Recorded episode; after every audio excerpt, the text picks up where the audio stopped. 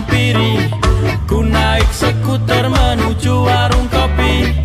Melihat suasana di kota ini. Inilah kami anak kediri.